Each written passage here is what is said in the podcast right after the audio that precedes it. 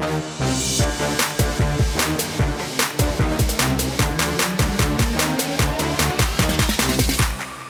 allemaal en welkom bij weer een nieuwe aflevering van Bizarre Verhalen, de podcast. Aflevering 9 alweer. En vandaag gaan we het hebben over, hoe kan het ook anders, oud en nieuw. Ja, en we hebben deze aflevering ook met ontzettend veel plezier gemaakt. En daarom zouden we het dus super erg waarderen wanneer jullie onze podcast een duimpje omhoog willen geven en ons even willen volgen. Je blijft dan op de hoogte van wanneer een nieuwe aflevering online staat. En je ziet natuurlijk het beeldmateriaal wat wij plaatsen na iedere aflevering. Nou, snel door naar vandaag, want het is al, vandaag is het dus alweer de laatste dag van 2023. Nog een paar uur en we zitten in 2024. Ja, en het bijzondere wel aan deze aflevering is dat we hem ook echt daadwerkelijk vandaag opnemen. Hè? Meestal doen we dat wat eh, eerder, hè? dus een paar dagen van tevoren of een weekje van tevoren. Maar het leek ons wel leuk om de opname dan ook daadwerkelijk vandaag te doen. Dus als je deze opname hoort, dan is alles ook goed gegaan. Dat we het daarop houden. Ja, en als je het niet hoort, dan, eh, Hoor je het niet? dan weet je het niet. Nee, dan mis je deze hele leuke show. Mocht je dus af en toe een knal horen, dan hoor je dus het vuurwerk dat buiten afgestoken wordt. Eh, misschien valt het mee, maar misschien valt het tegen. Dat zullen we nog niet weten nu. Nou, daar gaan we achter komen. Ja, het regent wel, hè? Ja, maar het houdt natuurlijk niet iedereen tegen, maar ik bedoel misschien dat het daardoor minder geknald wordt. Gisteravond was het al wel vrij eh, aanwezig, vond ik. Nou, het is wel altijd zo'n aparte dag, hè? Ik bedoel, Ja, je hoort er altijd al, ja, zeg maar dagenlang allerlei reclames op de radio. eh, top 2000 begint weer. Champagne, oliebol in de winkels. Ehm, ja, wat vind jij van oud en nieuw? ik vind het altijd op zich wel leuk. Ehm, het vuurwerk, ik ben wel meer van de siervuurwerk dan de knallen echt. Mhm. Daar heb ik niet zoveel mee. Ehm, Maar Ja. wat, wat vind je het leukst aan oud en nieuw zelf? Gewoon ik aan de hele dag. eigenlijk gewoon de hele sfeer leuk. Maar dat had ik ook bij kerst. Ik vind alles eigenlijk wel gewoon leuk. Ja. Nou, ik heb wel heel lang bij eh, oud en nieuw een soort anticlimax gevoel gehad. Ik, ik kan me het nog wel herinneren dat ik dan... Ja, je gaat je toch opdoffen, je gaat klaarzitten. En dan is het 12 uur en dan is het 12 uur of zo. Ik weet niet. Ik had altijd hele grote verwachtingen vooraf. En eigenlijk, ja, dat moment, dat aftellen is natuurlijk wel heel leuk. Maar daarna is het eigenlijk gewoon een avond als andere avond of zo. Ja, dat is wel zo, hè? Ja, dat heb ik toen op een gegeven moment dacht ik... ik, ik, Het ik is wel een beetje zo heel helemaal opleven naar een moment. En uiteindelijk is het echt gewoon zo niks. voorbij. Ja. Nou ja, je hebt natuurlijk wel het vuurwerk en het feliciteren en alles. Ik heb het, ik heb het nu niet meer hoor, dat anticlimax gevoel. Maar ik ik, heb het wel het ook niet heel gehad. speciaal. Het is gewoon weer 1 januari. Ja, Daar is lekker... veranderen Ja. wel heel veel dingen. jawel. De vooral natuurlijk letterlijk is het gewoon een dag verder. Maar het is ook wel weer een mooi moment, toch? Om even stil te staan. Ja, dat is, ja, Wat is er nou allemaal Toch gebeurd? Waar ben je blij eh, mee? Waar ben je dankbaar voor?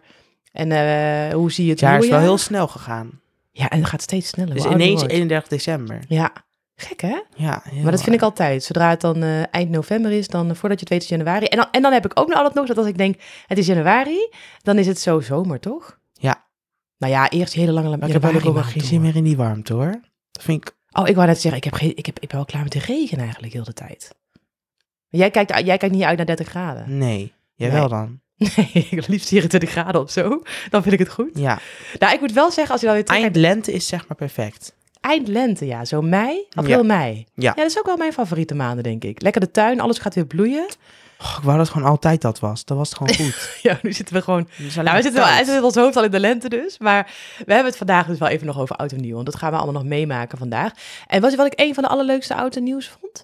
Nee. Toen wij hadden we mooi weer. Dat was in de coronatijd ergens. En toen hadden wij ook zoiets van, ja, we gaan toch niemand zien ontmoeten. Dus we gaan lekker in joggingbroek eh, op de bank. En buiten, vuurkorf aan, marshmallows. Was het niet dat je in de coronatijd ook geen vuurwerk mocht Ja, afsteken? klopt. Het was vuurwerkverbod. Ja, Ja. alleen categorie 1. En toen Oh, zijn ja. we nog boven naar de brug gelopen. En toen hebben we daar zeg maar allerlei vuurwerk nog afgestoken. Ja. Weet je dat nog? Ja. Nou, dat vond ik wel heel erg leuk. De vorige aflevering, zoals jullie weten, zochten we uit waarom we nou kerst vieren. Zoals we dat dus nu doen. En zo dachten wij, laten we dit ook doen met oud en nieuw. We zijn natuurlijk begonnen met een stukje geschiedenis. Want sinds wanneer vieren we nu eigenlijk oud en nieuw? Nou, het vieren van oud en nieuw is de oudste feestdag die wij kennen. Dit werd namelijk al 4000 jaar geleden gevierd. Germanen, Babyloniërs, Romeinen en Egyptenaren vierden dus allemaal op hun eigen manier het nieuwe jaar. Maar de datum erop verschilde wel. Babyloniërs vierden het feest bijvoorbeeld rond het begin van de lente en brachten een koningsoffer. Nou, wat is zo'n koningsoffer dan? Want zij waren er zeg maar van overtuigd dat op, op nieuwjaarsdag de koning het mikpunt van de goden zou zijn. Dus vervingen ze de koning tijdelijk door een slaaf of een ter dood veroordeelde.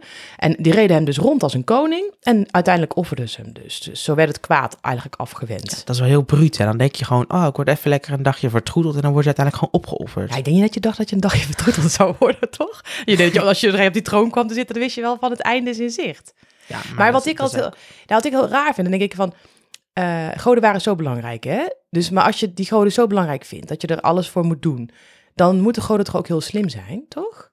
Anders zou je daar niet zoveel waarde aan. Tenminste, dat denk ik altijd. Maar dan denk je dus wel dat je die goden dus heel makkelijk voor de gek kunt houden. Dat vind, dat, dat vind ik altijd zo raar aan dit Ja. soort verhalen. Dan denk ik, Misschien waren mensen gewoon vroeger sowieso nog niet zo heel intelligent. nee, denk je? Nee, dat denk ik. Ja, maar ik, ja, ik vind het toch wel een beetje vreemd. Ik zou dan denken, nou, zo'n god hou je niet voor de gek. Nee, maar Toch? Je blijkbaar ziet wel. alles. Misschien dachten dat gewoon. Ja, nou, dat kan. De Egyptenaren vierden het nieuwe jaar wanneer de rivier de Nijl voor het eerst buiten haar oevers trad. En de Romeinen vierden in eerste instantie het nieuwe jaar rond 1 maart, dus rond het begin van de lente. Maar zo'n 2000 jaar geleden, de Romeinen waren toen heel machtig, eh, besloot Julius Caesar dat het nieuwe jaar gevierd moest worden op 1 januari. Het nieuwjaar vieren had te maken met de winterzonnewende, oftewel het moment dat de dagen weer langer gaan worden. En dat is dan rond 22 december. En waarom vieren we dan oud en nieuw niet op 22 december? Nou, dat is wel een grappig verhaal. Doordat de Romeinen een klein foutje hadden gemaakt in een berekening, vierden zij de zonnewende op 25 december. En dus een week later ehm, vierden zij Janus. Janus is een Romeinse god die twee gezichten heeft. En hij kijkt dus naar voor en naar achter, oftewel naar het verleden en de toekomst. En dat vond Caesar een mooi begin voor het nieuwe jaar. En daarom valt het nieuwjaar dus op 1 januari. Oké. Nou, het grappige is wel dat de namen van de maanden ook nog steeds uitgaan van de Romeinse jaarstijl, waarbij 1 maart als startpunt van een nieuw jaar gezien werd. Ehm, dus dat, hé, als je kijkt naar de, maand september, dat staat voor de zevende maand, dat zit dus in de naam. En dat gaat dus eigenlijk, als je telt vanaf maart, dan is september dus de zevende maand. Nou, oktober is eh, de achtste maand dan. En november, dat zit ook in de naam, is de negende maand. En het grappige is, dat is, dat is eigenlijk dus nooit meer veranderd. We zijn dus oud en nieuw gaan vieren in de tiende maand, eigenlijk, toch? Ja. En dan bij de elfde maand begint het nieuwe jaar. En daarom is Schrikkeldag ook eind februari, aan het einde van het jaar, zoals een jaar ooit was. Dus van maart tot februari. Zo liep dus een jaar. En dat is daarom is grappig dus... dat dat zo nog helemaal zeg maar, terug te zien is. Het raar dat het nooit veranderd is. Nee. Dan hadden ze toch meteen kunnen zeggen, nou dan doen we ook meteen gewoon... Dan geven we gewoon andere namen. Ja, toch niet. Nee, nou ja, goed. Ze hadden geen niet inspiratie. Nee, nou ja, goed. Dan is het wel grappig om te weten dat waarom dus in februari een schrikkeldag toegevoegd wordt. Eens in de vier jaar. Ja. Dan gaan we nu weer wat jaren verder, want ook de kerk had grote invloed en deze kerk wilde dat er, einde, en dat er een einde kwam aan de heidense gewoontes, zoals drank en overmatig eten tijdens de nieuwjaarsvieringen. Zij benoemde 1 januari als hoogfeest van Maria, de moeder van God. Op dat moment waren er echter nog steeds verschillende zogenaamde jaarstijlen.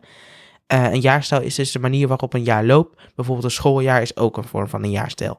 Ja, en ik las ook ergens dat de kerk allerlei data geprobeerd heeft hè, om oud en nieuw te vieren. Ze hebben bijvoorbeeld ook Pasen en Pinksteren geopperd. Dus ze gingen gewoon alles opperen. Van, nou, dan kunnen we oud en nieuw vieren. Dan, vooral omdat ze gewoon die invloed wilden hebben vanuit de kerk. Ja, heel apart. Ja.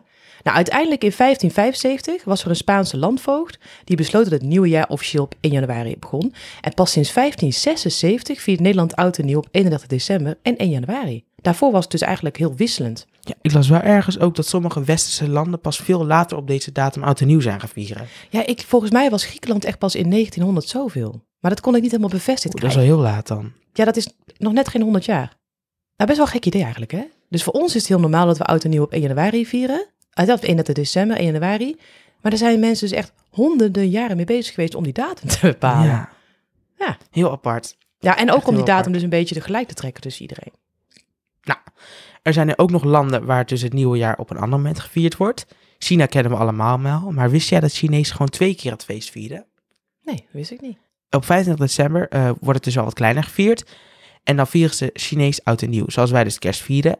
En families komen samen en kinderen krijgen een rode envelop met geld aan het einde van de dag. Ja, die envelop moeten ze onder hun kussen leggen, hè? Dat brengt dan geluk. Ja, en het schijnt dus ook dat de grootste migratiestroom te zijn ehm, rond oud en nieuw. Van alle Chinezen, maar ook Vietnamezen en Koreanen. Die dus dan naar familie reizen. Ja, met het Chinese oud en nieuw dan, hè? Ja. En, dat, de, en die datum verschilt dus ook ieder jaar, omdat de jaartelling gebaseerd is op de maankalender. Maar wist je dat er ook een Joods en een Islamitisch nieuwjaar bestaat? Nee, dat wist ik niet. Nee, ja, van Joods wist ik wel. Islamitisch wist ik eigenlijk ook wel. Maar dat was ik weer een beetje vergeten. Maar de islamitische kalender is ook gebaseerd op de maan. Maar telt hierdoor maar 354 dagen. Dus ehm, in plaats van 365. Dus je mist elk jaar 11 dagen. En afgelopen jaar gingen we volgens de islamitische kalender ook niet naar 2023. Maar naar, eh, dit was zeg maar jaar 1445. En de jaarwisseling wordt ook net op een andere manier eh, ja, bepaald eigenlijk. Wanneer een nieuwe maan gezien wordt, is het officieel nieuwjaar. En de meeste mensen houden hiervoor dus zeg maar Mekka als uitgangspunt. Want ja, dat is natuurlijk op de hele wereld een beetje anders. Maar dan gaan dus... ehm, zoals ik heb gelezen, twee moslims gaan dan kijken van hebben we de nieuwe maan al gezien? En zodra die waargenomen wordt met telescopen en zo, dan is het eh, officieel het, eh, het, nieuwe jaar begonnen. Nou, die nieuwjaarsdag zelf wordt dan niet heel uitbundig gevierd.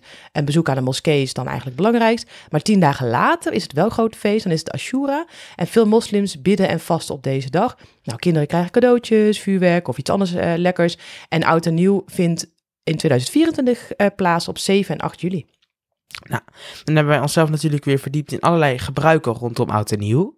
We beginnen met de oliebol, want de oliebol is nog steeds razend populair. En we eten dan ook gemiddeld acht oliebollen per persoon met oud en nieuw. Dat is best wel veel, toch? Gemiddeld betekent dat dat mensen zijn die er 20 eten. Nou, ik lustte vroeger echt helemaal geen oliebollen. Ik was wel echt al misselijk na eentje. En later at, ik ze wel, als mijn moeder ze dan bakte.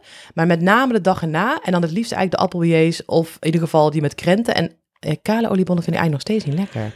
Nee, die vind ik eigenlijk ook nooit lekker. Ik vind het toch altijd wel lekkerder gewoon om zo'n... Je hebt ook van die crème dingen, toch? Met die bakkersroom dat er dan in zit. Berliner bollen, toch? Heette die Ja, die. Vind je die lekker? Ja. Ja. Ja, of met Dus die, jam erin. Die Ja, dan kan je toch ook geen acht eten? Tuurlijk wel. Over, over een hele avond verspreid. Ja, ja. Ja, volgens mij ben je echt heel misselijk. Maar goed, misschien hoort dat er ook een beetje bij. Nou, de oliebol is eigenlijk al heel oud, hè? Zo'n 2000 jaar geleden zijn er al omschrijvingen van zogenaamde offervoedsel. Dat, als olie, dat zeg maar als oliebollen beschreven staat. Ehm, ook in de middeleeuwen zijn er verhalen beschreven van zogenaamde oliekoeken. En deze koeken werden gegeten rondom het kerstfeest. En het waren ook koeken die gegeten werden in tijden van weinig voedsel, omdat die koeken dus vol olie zaten. Hè, waren ze lang houdbaar en waren ze ook eigenlijk heel ja, voedzaam in die zin, zat er snel vol van.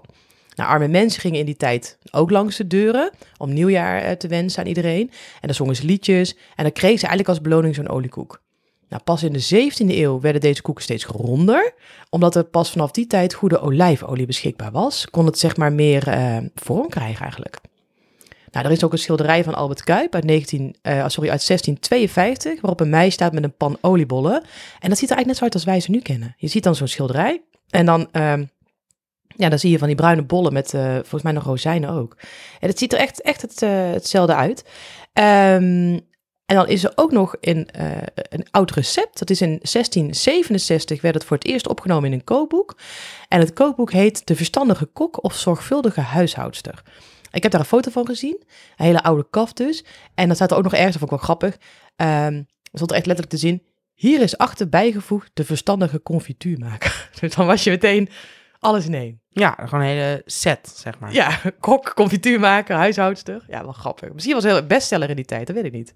Het schijnt dus ook zo te zijn dat Nederlandse kolonisten de oliebol meegenomen hebben naar Amerika. En daar werd een gaatje ingeprikt zodat de oliebol dus eh, sneller gaar zou worden. En zo ontstond dus de donut. Ja, het grappige daaraan vond ik dus wel weer dat wij ook sinds een paar jaar donuts halen in plaats van oliebollen. Hè? Althans, we halen wel één oliebol, maar eh, verder ja, hebben we toch voor gekozen om eh, een paar donuts te halen, wat we eigenlijk nooit eten de rest van het jaar. Maar dat vonden wij wel grappig met eh, oud en nieuw, toch? Een soort eigen familietraditie Ja. of zo. We hebben ook zelf wel heel veel oliebollen gebakken. En het leuke daaraan is dan het rondbrengen van oliebollen naar familie en vrienden. En de oliebollen express noemden we dat. Weet je nog? Ja, de oliebollen express inderdaad. Misschien volgend jaar wel weer leuk om een keer te doen. Ja, je moet wel de tijd voor nemen, vind Ja. ik. Ja. Nou, in 1993 begon het AD ook met oliebollentest. En daarbij ging een zogenaamd smaakpanel oliebollen testen. En dan kwamen daar juryrapporten en een rangordelijst. En die werd dan gepubliceerd in de krant. En als je dan de beste oliebollen had, dan stond dat dus in de krant. En verkocht je dus echt super veel oliebollen. Ik ben ooit wel eens in Utrecht eh, in... eh, dat was niet was in, de- in zo'n plaatsje bij Utrecht. En dan wa- ah ja, die- diegene had dan niet gewonnen, maar dan tweede of derde plaats. En dat was dan ook wel natuurlijk al heel goed. En dan waren er gewoon hele tenten met misschien wel twintig oliebollenbakkers. Omdat iedereen dan daar oliebollen ging halen. Dat weet ik nog wel. Maar goed, je kon dus ook echt heel naar commentaar krijgen. En dan, ja, dan kon je denk ik je oliebollenkraam wel sluiten. Ja, dat was echt wel heel heftig. Ehm, we, kunnen, we gaan er even een paar voorlezen. En we hebben wel besloten om even de namen weg te laten. Want het is natuurlijk niet eerlijk om reviews van jaren terug voor te lezen. Vonden wij in ieder geval. En dan kun je dus even een idee krijgen van wat voor commentaar dus door de jury gegeven werd. Nou, dan lees ik even één review voor over één oliebol voor. Nou, er stond vogelvoer, niet geschikt voor menselijke consumptie. Liefdeloos geproduceerde rotzooi. Schande dat dit wordt verkocht. Luister Ja, dat is heel heftig. Of deze. Verdient een prijs voor het verzieken van de oliebol, taai, vet en vormloos. Lijkt nog het meest op een plastic speeltje voor de hond. Bij het inknijpen komen, komt er wit schuimende olie uit. Teltje, s'il vous plaît. Dat kan eigenlijk echt niet. Dus ik leek echt super goor. Bij het knijpen komt er een wit schuimende olie uit. Nou, ik denk ook dat dat niet echt waar is hoor. Nou ja, we gaan nog even door. Kleffe, melige en smakeloze deegbal. Niet gaar en tegelijkertijd verbrand. Zelfs niet meer gezien als visvoer. Want dit als aas gebruiken zou een vorm van dierenmishandeling zijn. Dat is heel erg. Wat is er met dat vissenvoer en vogelvoer? Ik zou, ik zou alleen nooit denken aan visvoer en vogelvoer, toch? Of wel? Ieder hondenvoer of zo. lussen of zo, misschien. Ja, echt, echt, echt, zit als vogelvoer. Ja. Ja. Een oude oliebol of zo. Nou ja, Of deze, betonnen korst, keiharde opgewarmde gedroogtjes. trogjes. Nou, het bedrijf wat we dus niet gaan noemen, presenteert zich als commercieel bedrijf, maar schoffeert klanten en disqualificeert zichzelf en de gehandicapte medewerkers. Gehandicapte medewerkers. Ja, dat kan toch niet, of wel? Of was het een soort brownies en Ja, downies? precies, Brownies en Downies. Waren het echt, denk je dat het echt gehandicapte medewerkers waren? Misschien omdat ze dan gewoon niks kunnen. Nou, ik denk een, eh, ik, ik denk een eh, belediging, toch wel? Echt. Ja, Maar dat kan Dat toch, gewoon- kan, dat gaat wel ver, hè? ja het is wel heel heftig hoor. Nou, ik eh, denk dat ik er, ik zal, we gaan, we gaan doen er gewoon nog eentje inderdaad, hè? Omdat we, of twee, omdat we daar wel echt heel erg, toch? Ja. Als ik ooit aan de macht kom, blaas ik dit soort kramen op, roept een boze tester. Ja, dan vraag ik me toch af wie die testers zijn. ja, dat kan toch niet? Ja, de laatste. Oliebol doet denken aan een pussig gezwel met krenten aan de buitenkant als een zwarte meeeters. Even knijpen en het vet spuit eruit. Sopt in je mond als een spons. Absoluut oneetbare viezigheid. Maar dan denk ik wel van zo heftig kan het toch niet zijn? Ja, maar door al die gekke reviews gaat iedereen natuurlijk die krant kopen. Toch? Ja, Al die is een beetje sensatie. ja, maar zo heftig kan het toch niet? Zo vies kan een, olie, een oliebol is toch gewoon een oliebol? Ik weet het niet. Ik heb nog nooit een oliebol gehad waar ik Pussig in gezwel met kneep. krenten aan de buitenkant. Ja, maar ook dat iemand gewoon zegt, ik blaas deze, hoe die heel boos wordt of zo. Omdat je, een, dat je gewoon denkt, ik ga het opblazen. Wat je gewoon geen lekkere oliebol hebt. Ja, die neemt het al heel serieus. Ja, ik dat, eh, ja, dat heb ik, ik heb nog, die gevoelens heb ik ook nooit gehad, zeg maar. Nou, pas in 2017 stopte het AD met de oliebollentests nadat er steeds meer mensen het zagen als een mening en over smaak valt niet te twisten. De oliebollen zouden daarnaast helemaal niet eens getest worden door de zogenaamde smaakexperts, maar door, door journalisten van het AD. Eh, in 2018 begon wel een groep van 14 vrijwilligers met het testen van oliebollen, maar zij maken alleen de winnaars bekend. En ieder jaar kun je dus eventueel per provincie zien waar je goede oliebollen kunt kopen. Ja. Maar ja, dat blijft toch wel een beetje een kwestie van smaak, wat je, wat je heel erg lekker vindt. Ja, ik, dat wil ik net zeggen. Maar je kunt natuurlijk wel iets zeggen, hè, van de hoeveelheid vet of wat dan ook. Of dat ze koud of warm zijn. Maar ja, ik denk dat die reviews van het AD, dat was gewoon echt een commerciële actie, denk ik, toch? Ja, maar wel zielig als je dan zo'n kraam hebt en je staat helemaal onderaan. Dan, wordt, je- dan gaat niemand natuurlijk meer iets bij je kopen. nee, Dan ga je gewoon failliet. Nou ja, ik heb ooit wel eens interviews gezien in die tijd. En dan waren er ook wel mensen die zeiden, nou ja, ik snap die, ik snap die reviews niet. Ik ga daar gewoon eten. Maar ja, als jouw buurman dan bijvoorbeeld wel in de top 10 stond, dan ging iedereen natuurlijk daar oliebollen ja, halen. dat, was dat klaar. zielig eigenlijk. Ja, heel zielig. Ja, vond ik ook. Nou, dan het vuurwerk. Daar is ook echt heel veel over te doen. Maar we gaan eerst even een stukje terug in de tijd. Want het vuurwerk, eh, nou, hoe dat precies ontdekt is, is niet bekend. Waarschijnlijk is het vuurwerk ontstaan in China of in het gebied wat nu Bangladesh eh, is. En de Chinezen gebruikten buskruid, de basis van het vuurwerk, waarschijnlijk als wapen. Eh, maar ook bij religieuze feesten en rituelen en dergelijke. En met dat, eh, met dat lawaai werden zeg maar de kwade geesten verjaagd. Nou, hoe dat buskruid vervolgens in Europa terecht kwam is ook niet helemaal bekend. Maar zo rond de middeleeuwen begint buskruid een belangrijke rol te spelen in Europa. Onder andere in kanonnen. Ja, een kanon was echter zeer risicovol en soms ontplofte zo'n kanon met kanonier en al. Eh, nou, de eerste vuurwerkshows waren dan ook eigenlijk meer shows waarbij kanoniers lieten zien hoe goed ze met zo'n kanon om konden gaan. En zij voegden dus eh, dan bepaalde stoffen en kleuren toe aan het buskruid zodat de shows zo spectaculair mogelijk zouden zijn. Vervolgens werden deze vuurwerkshows steeds vaker gegeven bij grote feesten, bijvoorbeeld bij het Hof van Versailles, maar ook bij de Oranjes. En na de Tweede Wereldoorlog was er dus steeds meer geld. En eh, werd vuurwerk ook steeds populairder onder het gewone volk. Er kwamen ook vuurwerkfabrieken in Nederland. En pas rond eh, 1965 kwamen vuurpijlen en gillende keukenmeiden massaal in trek. Weet je wat dat zijn, eh gillende keukenmeiden? Van die, die hele hoge piep. Ja, zo'n soort ballen of zo. Hè?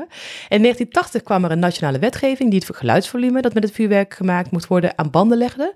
En veel knalvuurwerk werd hiermee officieel verboden. En zo groeide ongewild een markt voor illegaal vuurwerk. Dat is denk ik wel een beetje altijd als je een, eh, iets verbiedt. Ja, dan, wordt het, dan, gaat die, ja, dan Ja. krijg je dat stiekem inderdaad. Hè? Nou, om de consumenten te waarschuwen voor de gevaren van verkeerde omgang met vuurwerk, kwamen er vanaf de jaren 70 steeds meer campagnes. En dat was dan bijvoorbeeld van je bent een rund als je met vuurwerk stunt. En ik, ik ken die reclames nog heel goed, want dan zag je iemand dus met een paar vingers Althans, met een paar, die misten een paar vingers. Stak ze de hand op, of stak dan zo zijn onderarm op. Dat was gewoon een hele hand. Maar dat waren echte, Eeuw. dat, volgens mij waren dat echte vuurwerkslachtoffers. wel. Gadver. Ja, maar dat was dus de schrik. Dan stond erbij, stond er dan bijvoorbeeld zo iemand die zei dan van, ik heb rotjes in een buis gestopt. Weet je wel? En dan stond hij zo zonder hand. En dan, eh, ja, ik weet natuurlijk niet of die verhalen ook echt kloppen. Maar ik denk, eh, misschien was het ook wel echt waar. Eeuw. Ja, Dat, dat zou ik echt niet willen zien als ik kind was. Ja, da- ik durfde ook geen vuurwerk aan te steken. Ben je echt getraumatiseerd? Voor mij werkte het, ja. Zou dat voor jou ook werken, denk je? Ja, jij durft ook, je bent ook niet zo'n held, hè, op dat gebied, Nou, toch? Nee. Nee. Nou ja, Nou, na rampen in een vuurwerkfabriek in Culemborg in 1991 en in een vuurwerkopslag in Enschede in 2000, de bekende vuurwerkramp, werden alle fabrieken gesloten. In 2014 werd de aanvangstijd van het afsteken verschoven van 10 uur 's ochtends naar 6 uur 's avonds op 31 december. En hiermee ging een stuk van de traditie, het zogenaamde dagstoken, verloren. ja, ik vind het wel grappig dat daar een woord voor was. Dagstoken. toch? En dat klinkt heel ouderwets, het dagstoken. Was dat echt zo- echt zo'n... eh, Maar ik denk ook wel dat het helemaal niks uitmaakt, toch? Ik bedoel, de meeste mensen die overdag gingen afsteken waren denk ik toch kinderen of jongeren. Ik denk niet dat dat... eh, Ja, en, en die steken nu nog steeds overdag af, toch? Ja, dat denk ik ook wel hoor. Ik Ja. dat heel veel mensen nog steeds gewoon overdag afsteken.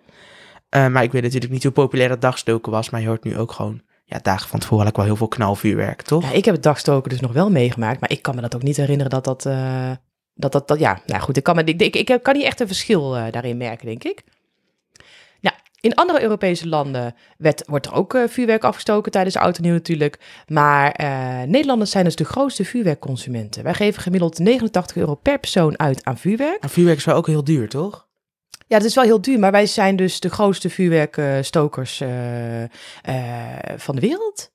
En in geen enkel ander land wordt er dus per hoofd van de bevolking zoveel uitgegeven aan vuurwerk. Nou ja, we, we mogen dus wel maar 25 kilo. Nou, 50 is best wel veel, toch? Ja, In ons- ons kilo is wel heel veel.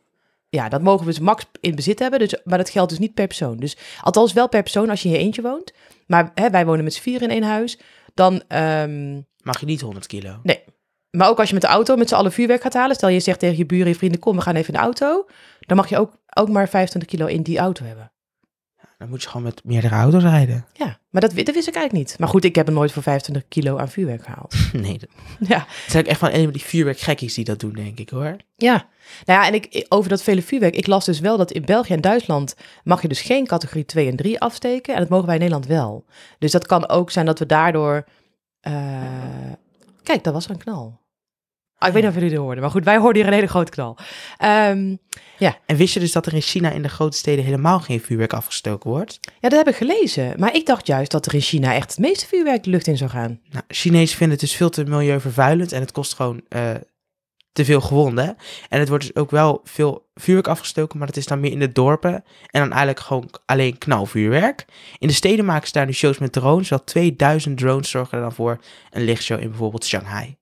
Ja, maar ook in de Filipijnen en Singapore hebben drones het overgenomen. Volgens mij hele grote, zeg maar best wel moderne steden, die doen, voor- steden doen vooral drones. Ja, maar dat... Allemaal vuurwerk. Maar goed, en in Rotterdam en Amsterdam hebben ze het ook gedaan. En daar heb ik ook filmpjes van gezien. Maar ik zou zeggen, google even op drones en Shanghai. En dan zie je zelf even zo'n show. En dat is best wel indrukwekkend, toch? De gevaren en de overlast van het vuurwerk wekken echter steeds meer weerstand op. Ehm, nou, daarom is het afsteken van vuurwerk aan steeds meer regels gebonden. Sommige categorieën vuurwerk, zoals vuurpijlen, mogen niet meer door cons- consumenten worden afgestoken. Ook wordt de roep om een einde te maken aan de Nederlandse vuurwerktraditie steeds groter. Veel mensen zien liever dat er grote centrale vuurwerkshows georganiseerd worden, dan dat mensen zelf met vuurwerk de straat op gaan. Maar in de Tweede Kamer was er in 2022 geen meerderheid voor zo'n vuurwerkverbod. Ja, wel is er in dit jaar in 16 plaatsen een vuurwerkverbod. En vorig jaar werd er voor ruim 110 miljoen aan vuurwerk verkocht. Knalvuurwerk is wel inmiddels verboden. En ik las dat er ruim 20% van het vuurwerk dit jaar is afgekeurd. En dat is dan bijvoorbeeld omdat het aantal decibel te hoog is, of het vuurwerk komt niet hoog genoeg de lucht in. En, en ik denk ook eigenlijk, hè, als ik zo allemaal dit soort dingen lees, dat we over 100 jaar helemaal geen vuurwerk meer mogen afsteken, toch? Misschien al eerder, niet. misschien over denk 10 ik ook jaar niet. al, toch? En dat kinderen dan misschien over 100 jaar wel in de geschiedenisboeken lezen van dat wij dat vroeger zo deden. Ja, dat we zou gewoon- grappig zijn, hè? Explosieven aanstaken. en dat daar gewoon handen eh, door weggingen en ogen. Ja, misschien krijg je in, te- in ja, 2050 of zo misschien wel gewoon van robots les. Ja.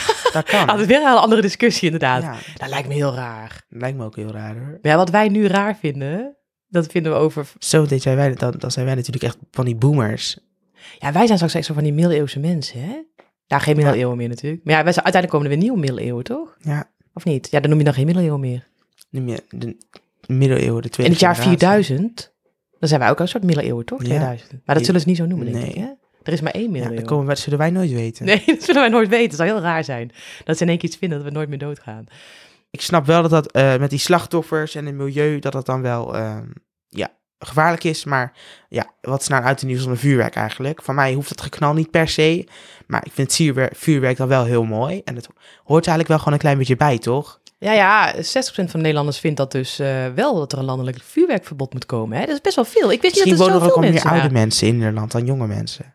Nou ja, ik, dat weet ik eigenlijk niet. Ik denk het niet. Al die opa's en oma's willen dat natuurlijk niet meer. Niet meer, hè? Die vroeger heel erg genoten van het vuurwerk. Ja, maar nu natuurlijk niet. Vinden ze het dan- boring. En dat vind ik wel soms met hele oude mensen die dan, hè, niet, niet iedereen, maar je hebt er wel bij, die zijn dan, eh, ja, die, zijn, die gaan er nu alles verbieden wat ze vroeger zelf ook heel normaal vonden. Dat is Ja. ook niet helemaal terecht, toch? Zo vervelend. Maar dat is weer een andere discussie. Ja, in, de, in de coronatijd was vuurwerk natuurlijk ook verboden, maar toen ging het toch nog best wel heel veel de lucht in, of niet? Ja, tuurlijk. Niemand gaat daar... eh, ja, daar wordt volgens mij niet echt op gecontroleerd. Misschien wel in Amsterdam en Rotterdam meer. Ja, op pleinen en zo, Ja, bij cafés of Ja. zo. Maar ik bedoel, als je hier op straat vuurwerk, niemand, het kan, de politie kan toch niet overal tegelijk zijn? nee, natuurlijk niet. Nee. Maar dat is sowieso bij heel veel rechts. Mensen zitten nog steeds gewoon op hun telefoon op de fiets. Ja, dat is Dus waar. ja, Ja. Anders, anders zou de politie heel de dag alleen maar in elke stad aan kinderen boetes geven omdat ze op hun telefoon zitten. Ja, en ik denk dat het hetzelfde werkt. Hè. Je kan dan bij een fietspad gaan staan, waar heel veel, eh, als een school uit is, in op een hoekje. Ja, En, en met vuurwerk ga je gewoon op, een plein, op de belangrijkste pleinen staan. Dat Ja. daar geen vuurwerk is. Ja. Maar verder, ik vond dat er nog heel veel de lucht in ging hoor. ja, vond ik ook. Nou ja, dan gaan we nu nog even wat cijfers bespreken over de vuurwerkslachtoffers. Vorig jaar waren er ongeveer 1200 gewonden door vuurwerk. Een tiental mensen moest één of meerdere vingers missen. En dat vond ik opvallen, want 46 van de gewonden staken het vuurwerk niet zelf af, maar stonden te kijken. Ja, 46 procent hè? Ja, Ja, ik, ik vind dat best wel veel. 46 procent. Maar ik moet zeggen, ik ben geen held. Ik vind die voetzoekers echt Ja, dan- doodeng. ja dan, dan, dan weet ik eigenlijk niet of ik zo dicht bij het vuurwerk wil staan dit jaar. Ik hoef niet per se, ik wil mijn vingers het liefst zo houden. Ja, ik denk dat het, de, de meeste ongelukken gebeuren door vuurpijlen en door die voetzoekers. Maar dan staan ze denk ik heel, heel dichtbij met het vuurwerk. Nou, ik vind die voetzoekers altijd heel eng, omdat je dan daar sta je en die schieten heel onverwachts alle kanten op. Maar dat kan meters ver gaan, toch? Ja. 10 meter, 12 meter. Dan ben je gewoon, ja, een vinger kwijt. Ja, en ik ben altijd bang dat hij dan precies zo ineens naar mij schiet en dan ontploft.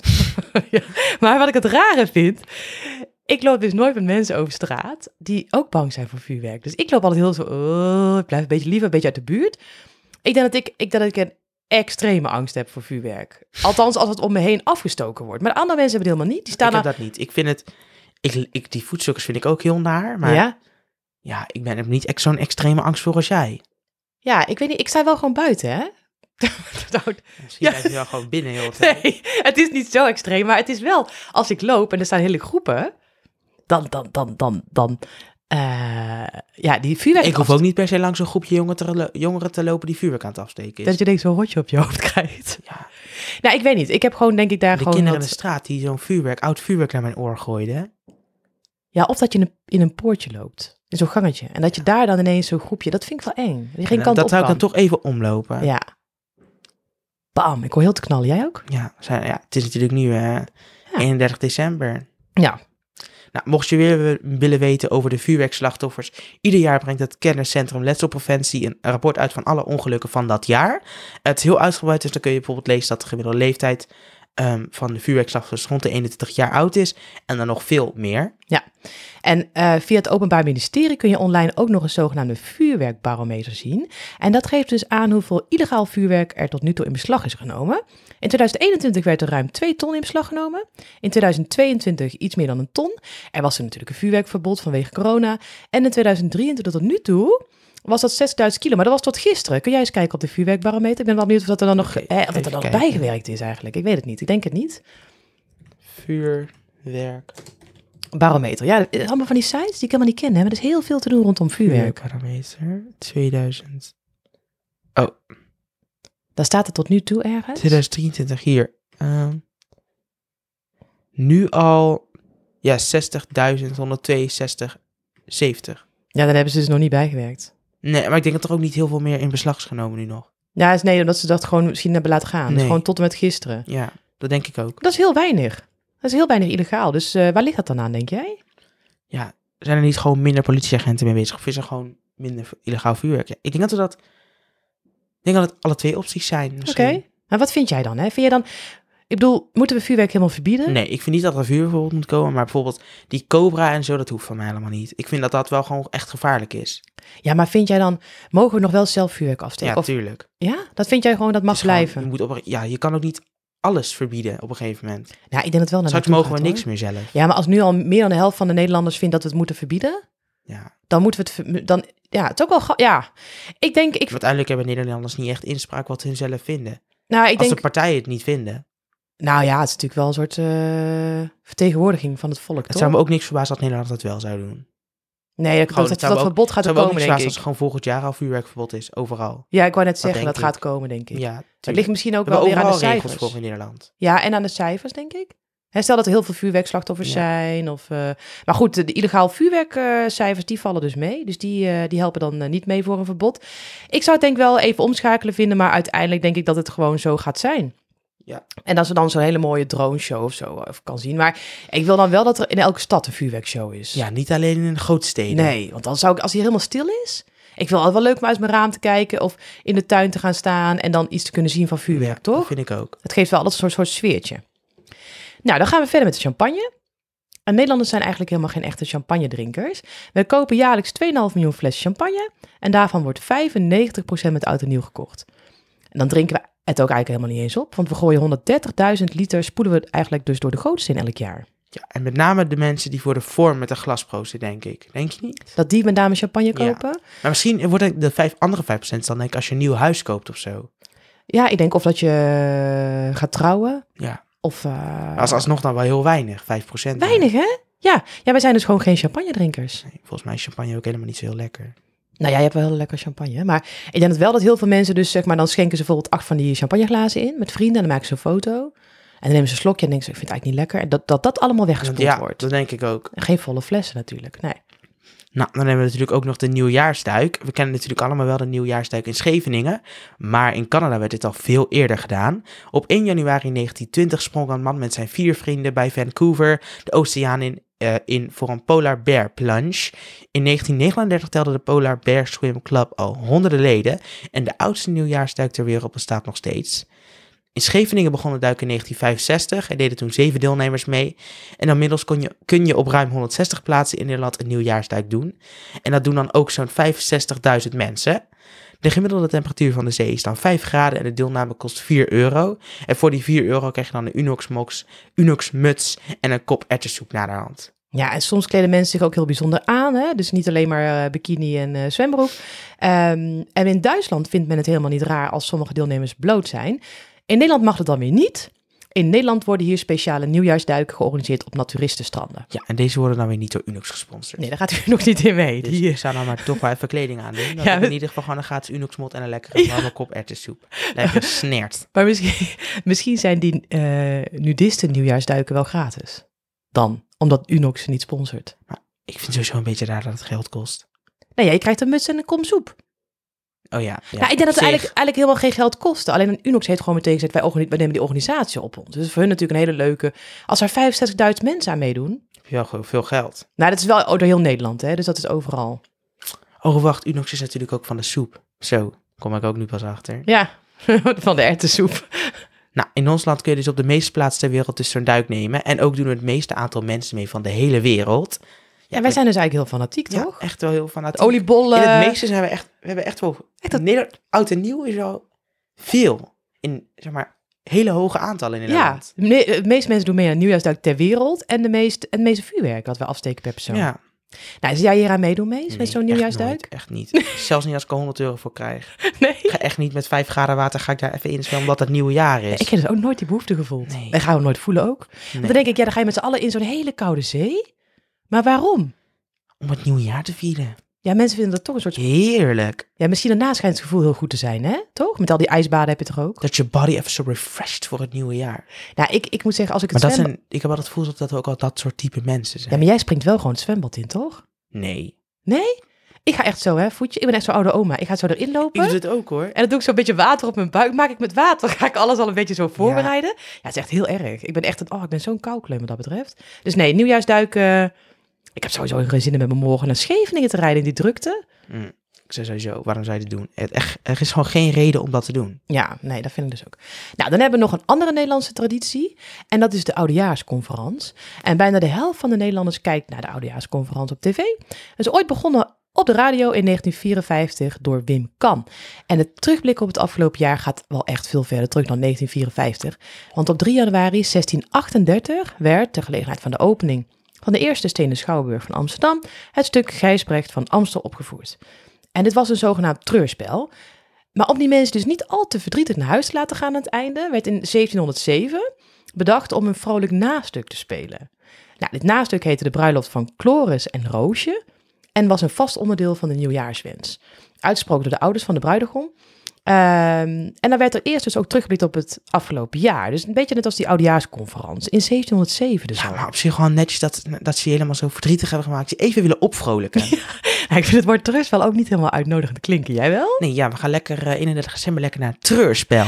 Ja, misschien moet je het, ik denk dat je het wel een beetje moet vergelijken als met de, het genre drama van nu. Denk je niet? Ja, dat denk ik ook wel hoor. Ja. Ja. Het klinkt wel heftiger, hè? Dat er dus een soort Treurspel. comedy nodig is om mensen niet helemaal depressief naar huis. Zeker aan het einde van het jaar. Ja, mensen worden blij, gaan lekker nieuwjaarstuik doen, maar ondertussen gaan ze ook naar een treurspel. Ja, ja, dat was heel lang geleden al wel. Maar het bestaat dus nog steeds, hè? Ja. Nou, dit stuk wordt trouwens gespeeld tot 1968, dus echt wel heel lang. Eh, de eerste stenen schouder bra- brandde wel af in 1772. Maar het grappige is dat op die plek uiteindelijk Hotel de Dillen is gebouwd in 1999. De toegangspoort van het theater is bewaard gebleven en sinds 2018 wordt het stuk Gijsbrecht van Amstel weer opgevoerd in dit hotel. Ja, gewoon weer nieuw. Opnieuw op die locatie. Dus gewoon al Toch 300 dan, jaar. wel, ja, we houden wel echt van oude dingen in Nederland. Ja, ik heb foto's van gezien. En die poort is echt wel heel tof dat die er nog helemaal staat. Ik vind het ook wel leuk dat ze het weer... Maar het hele er kleine... altijd toch wel mooi uit. Nou, je kunt dus nu een kaartje kopen. Oké, ik heb niet gekeken of het uitgekocht was. Maar dat is dus niet het einde van het jaar. Maar dat is dus eh, volgens mij 2, 3, 4 januari of zo. Die Ja, data. dan heb je toch al, in ieder geval kan je nog wel een gezellige oud en nieuw hebben. Ja, Anders word je weer zo verdrietig. zo'n stuk uit 1700. Dat, ik heb wel eens ooit heel ooit oud kerstspel ooit gehoord. Maar dat is geen touw en vastknopen hoor. Nee, maar dat ze het gemoderniseerd hebben, toch? Of zou het echt nog helemaal in het oud-Nederlands zijn? Met die... Nou, ja. Geen idee. Moeten we eigenlijk een keer naartoe? Ja. Nou, trouwens, heb ik helemaal geen zin in. In een Nee. treurspel. Ik ook, denk ik niet. Nee, ik denk dat wel leukere dingen zijn om te doen. Ja, drama kan natuurlijk wel heel mooi zal het zijn. ook hè? super duur zijn. Omdat het zo eh, oud is. Ja, dat denk ik ook. Het zal niet een tientje zijn, Nee. denk ik. Als er maar heel weinig mensen in kunnen. Maar ja, goed, dat hoeven we dan ook niet eh, te weten. Staatsloterij. Dan hebben we nog de Oudejaarsloterij. Aan deze loterij begon in 1992. En ieder jaar kun je een enorm bedrag winnen met de jackpot. En dit jaar is dat 30 miljoen. Nou, vorig jaar werden er meer dan 7 miljoen oudejaarsloten verkocht. En het grappige is dat er dus eventueel evenveel hele als halfloten werden, worden verkocht. Dat wist ik dus niet. En hoe, denk, hoe groot denk je dat de kans is dat je de hoofdprijs van 30 miljoen wint? Niet heel groot, denk ik hoor. Als er zoveel mensen aan meedoen. 30 miljoen is heel veel geld. Maar is het niet dat die 30 miljoen verdeeld wordt dan? Nee, dat, ja, je hebt allerlei andere prijzen nog. Maar 30 miljoen is de hoofdprijs, de jackpot. Ik denk dat het met, ik denk 0,1 procent. Nee, de, de kans is ongeveer 0,00002 procent. Nou, lekker grote kans. Nee, maar toch, het is een kans. Dat is het. Ja, maar 0, nou, dat is, dat is eigenlijk niks. Nee. Nee, dat is gewoon bijna onmogelijk. Ja, maar toch leuk idee. Iedereen, één, één iemand wint het elk jaar, hè? Ja. We zouden, wij zouden het kunnen zijn. Ja, ik vind, het, ik vind het wel een leuk We idee. zullen vanavond op onze Instagram leven een story plaatsen en dan kunnen, zullen we laten weten wat we hebben gewonnen. Ja. 0 euro. Waarschijnlijk niks. Ja, het is het Als idee, jullie, hè? als jullie niks zien, dan zullen we niks posten. Dan zijn we even aan het huilen. Ja. Als we wel iets posten, zullen we een hele blij story posten. Nou, ik was dus ook meteen benieuwd naar hoeveel loten er dan maximaal te koop zijn. En dit zijn dus bijna 20 miljoen. Ehm, dus als die allemaal verkocht zouden worden, zou de kans nog vele malen kleiner zijn. Nou, wat ik wel altijd heel raar vind, is dat heel veel mensen een lot gaan kopen waar het jaar daarvoor het winnende lot verkocht is. Dus dan gaan ze allemaal naar die winkel. Want daar is vorig jaar, want er wordt ook al bekendgemaakt, hè, waar dan het lot gekocht is. Ja, maar dat lijkt me zo raar, want dat is toch super klein dat daar dan weer precies dat lot wordt verkocht. Nou ja, uiteindelijk, als iedereen daar dan lot gaat kopen, dan wordt de kans natuurlijk wel weer groot dat er iets gewonnen wordt. Maar toch niet twee keer achter elkaar. Ik heb nooit gehoord dat de jackpot twee keer achter elkaar door dezelfde... Natuurlijk niet, dat is ook niet. Daar denken ze wel over na. Ja, ja en tegenwoordig trouwens- gaat natuurlijk ook heel veel online, hè? dat scheelt ook. Ja. Dan is er elk jaar nog een vraag met welk eindcijfer je de meeste kans hebt. En of je dat dan voor toeval kiest of zelf een eind- eindcijfer kiest. Maar op welk eindcijfer je de meeste kans maakt wisselt heel sterk per jaar. En er is eigenlijk niet heel veel over te zeggen. Nederlands kiest in ieder geval vaak, vaker voor 7. Maar de jackpot viel vorig jaar op een 3. Nou, en ik was dus ook nog wel even benieuwd eh, wat er dan gebeurt als je zo'n prijs wint. Want ehm, ja, stel dat je 30 miljoen wint, wat gebeurt er dan? Nou, dan ga je dus, eh, je ziet dan online, hè, stel even je hebt je, je nummer in of je ziet het gewoon staan bij de uitslagen. Dan eh, staat er ook meteen een telefoonnummer bij. En dat kun je dan, eh, dat moet je dan bellen. Want er staat eigenlijk bij dat je verwacht wordt op het hoofdkantoor van de staatsloterij. En de volgende ochtend kun je dan ook bellen met dat kantoor. En dan, word je, nou, dan maak je een afspraak. Kom je daar aan. Dan word je in een speciale kamer ontvangen. Dan krijg je sowieso bloemen en champagne. En je krijgt ook meteen een informatiepakket van alle banken in Nederland. dan kun je dus ook meteen allerlei tips eh, krijg je dus erbij hoe je met geld omgaat. Want Ja, dat lijkt me heel... Als je zoveel geld hebt, is het natuurlijk verleidelijk om heel alles gelijk over de toonbank te gooien. Nou, jij hebt allerlei tips, hè? Dat ze zeggen van, eh, zeg niet dat je bijvoorbeeld eh, 30 miljoen hebt gewonnen, maar zeg bijvoorbeeld dat je een ton hebt gewonnen. Eh, want anders heb je ineens heel veel vrienden erbij.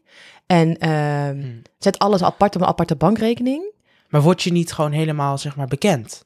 Kom Nee, je je, niet op... je mag anoniem blijven. Dat zou ik dan sowieso wel doen, hoor.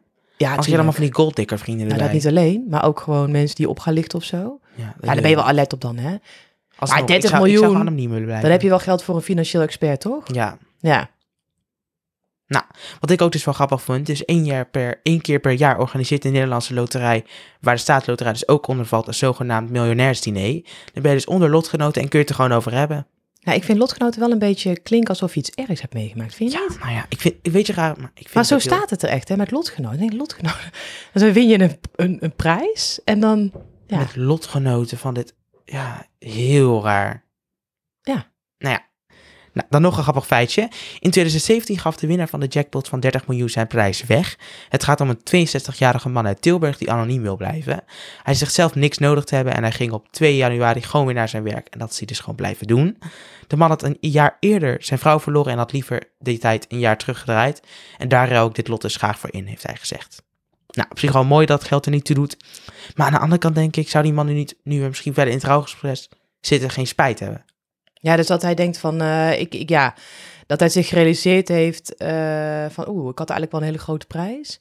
Aan de andere kant denk ik, ja, weet je... Misschien dat hij zich juist door de gebeurtenis natuurlijk gerealiseerd heeft... dat geld er niet toe doet. Of straks moet hij in die lotgenotengroep gaan praten van de miljonairs. Ja, natuurlijk inderdaad. Dat, misschien dat hij helemaal afgeschrokken. Nee, ik denk dat het, dat het wel een, een besef kan zijn. Dat je denkt, ja, bij een overlijden kunnen mensen natuurlijk ook wel ineens heel anders naar het leven gaan kijken.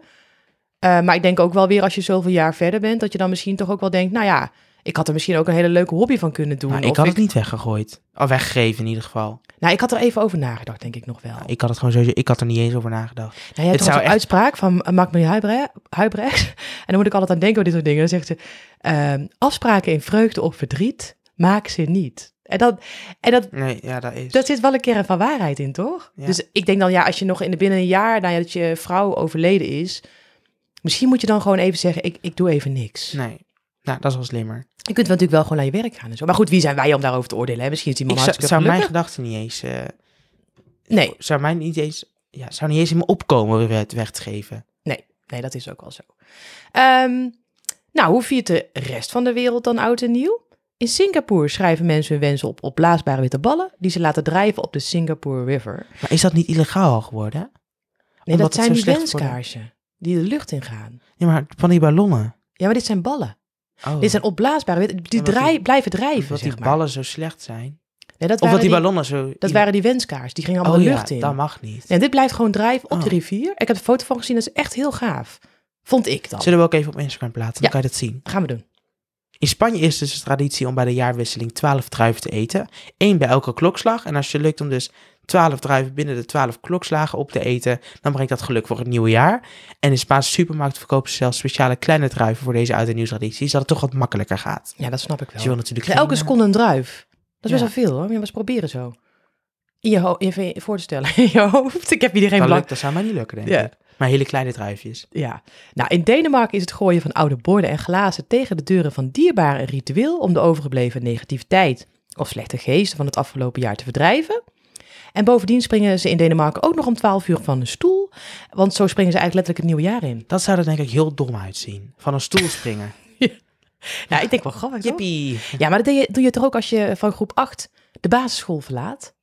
Nou, ik moest van een glijbaan. Ja, dat is toch net zo? Stel die idee toch? Er zijn mensen die uit het raam, Ik vond het zo ongemakkelijk. Ik vond het echt vreselijk. heel die groep mensen. Ik vond het echt vreselijk. Maar dit gebeurt niet op het stadsplein in Denemarken, denk ik. Hè? Dit gewoon in je huiselijke... En dan ziet het er zo helemaal dom uit. En misschien moeten we vanavond eens gaan doen. Nou, nee hoor. Met z'n allen op die stoel springen. Yay! Nou, ook in Napels bracht de scherven geluk, want daar was het in het verleden de traditie om keramieke toiletpot vanaf het balkon naar beneden te gooien. en daar lagen dus de steegjes van het historisch centrum op nieuwjaarsdag vol ge- met gebroken toilettenpotten. Ja, ik vind dat heel raar. Dan denk ik, hoe kwamen die mensen aan die toiletpot? Gooien ze dan gewoon de oude toiletpot weg? Zo van, nou, die moet toch vervangen worden? Ja, of ze kosten een speciaal toilet. Maar, maar en dit was niet één keer, dat was dus heel veel. Ah, En dan specifiek toiletpotten. Waarom? Ik dacht borden en zo, ook Voor zonde. geluk, alles voor geluk. Alles voor geluk, ja. Nou, een gebruik dat hiervan af is geleid is om rond middernacht oude en kapotte spullen van, het, van de hand te doen.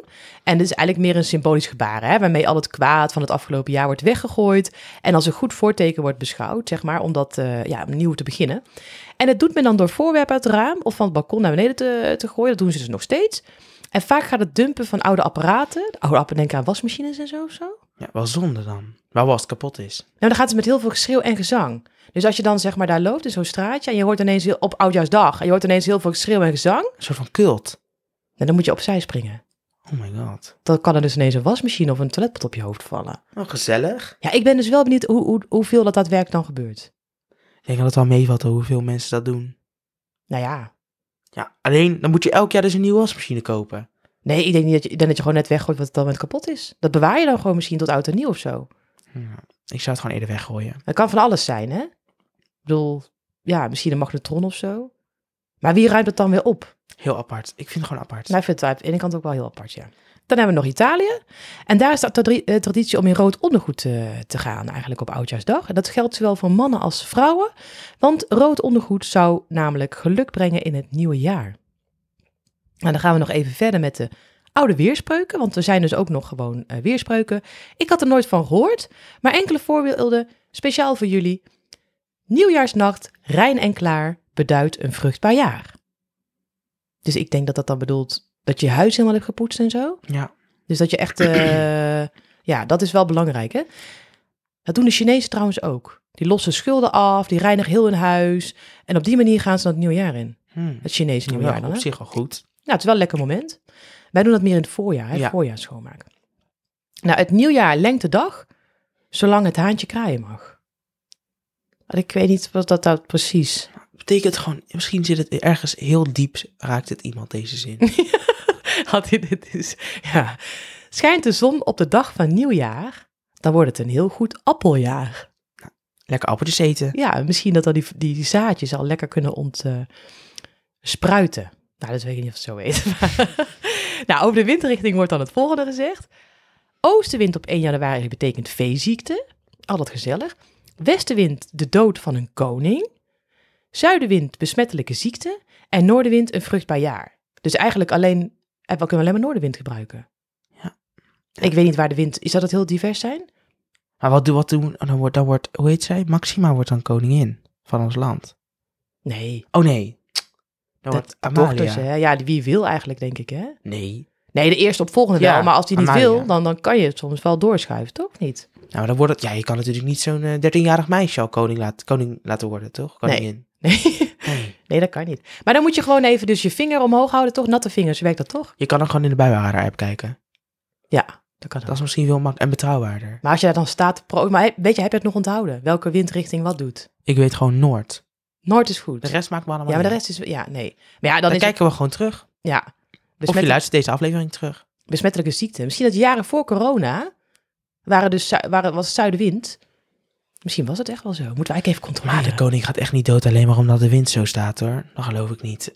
Of er is nog nooit westenwind geweest. Tuurlijk wel. Ja, dat weet je niet, hè? Met Oudjaarsdag, hè? Ja, we doen al zo vaak oud en nieuw. Ja, ik Moet er wel gewoon een keer westenwind zijn geweest. Ja, denk ik ook wel. Maar goed. Nou ja, dan eindigen we deze aflevering met een grappig ruimtevaartfeitje. De bemanning van het ISS ruimtestation kan zelfs 16 keer oudejaarsavond vieren. Zo vaak kruisen de datumgrens in de ruimte. Ja, maar dan zullen ze niet 16 keer weer... eh hey, happy new year, toch? Nee, dat weet ik helemaal niet. Nee. Nou, dan zijn we alweer aangekomen aan het einde van deze bijzondere aflevering. Het voelt eigenlijk een beetje live, toch? Maar dat, ja, Over een paar uur staat deze online. Ja. Ja, grappig idee. Nou ja, we willen jullie uiteraard ontzettend bedanken voor jullie enthousiasme. En we wensen iedereen een prachtig, gezond en gelukkig 2024. Een heel gelukkig nieuwjaar en alvast tot volgend jaar. Tot volgend jaar. Luister je graag naar deze podcast? Laat de maker weten dat je waardeert wat hij of zij doet en geef een digitale fooi.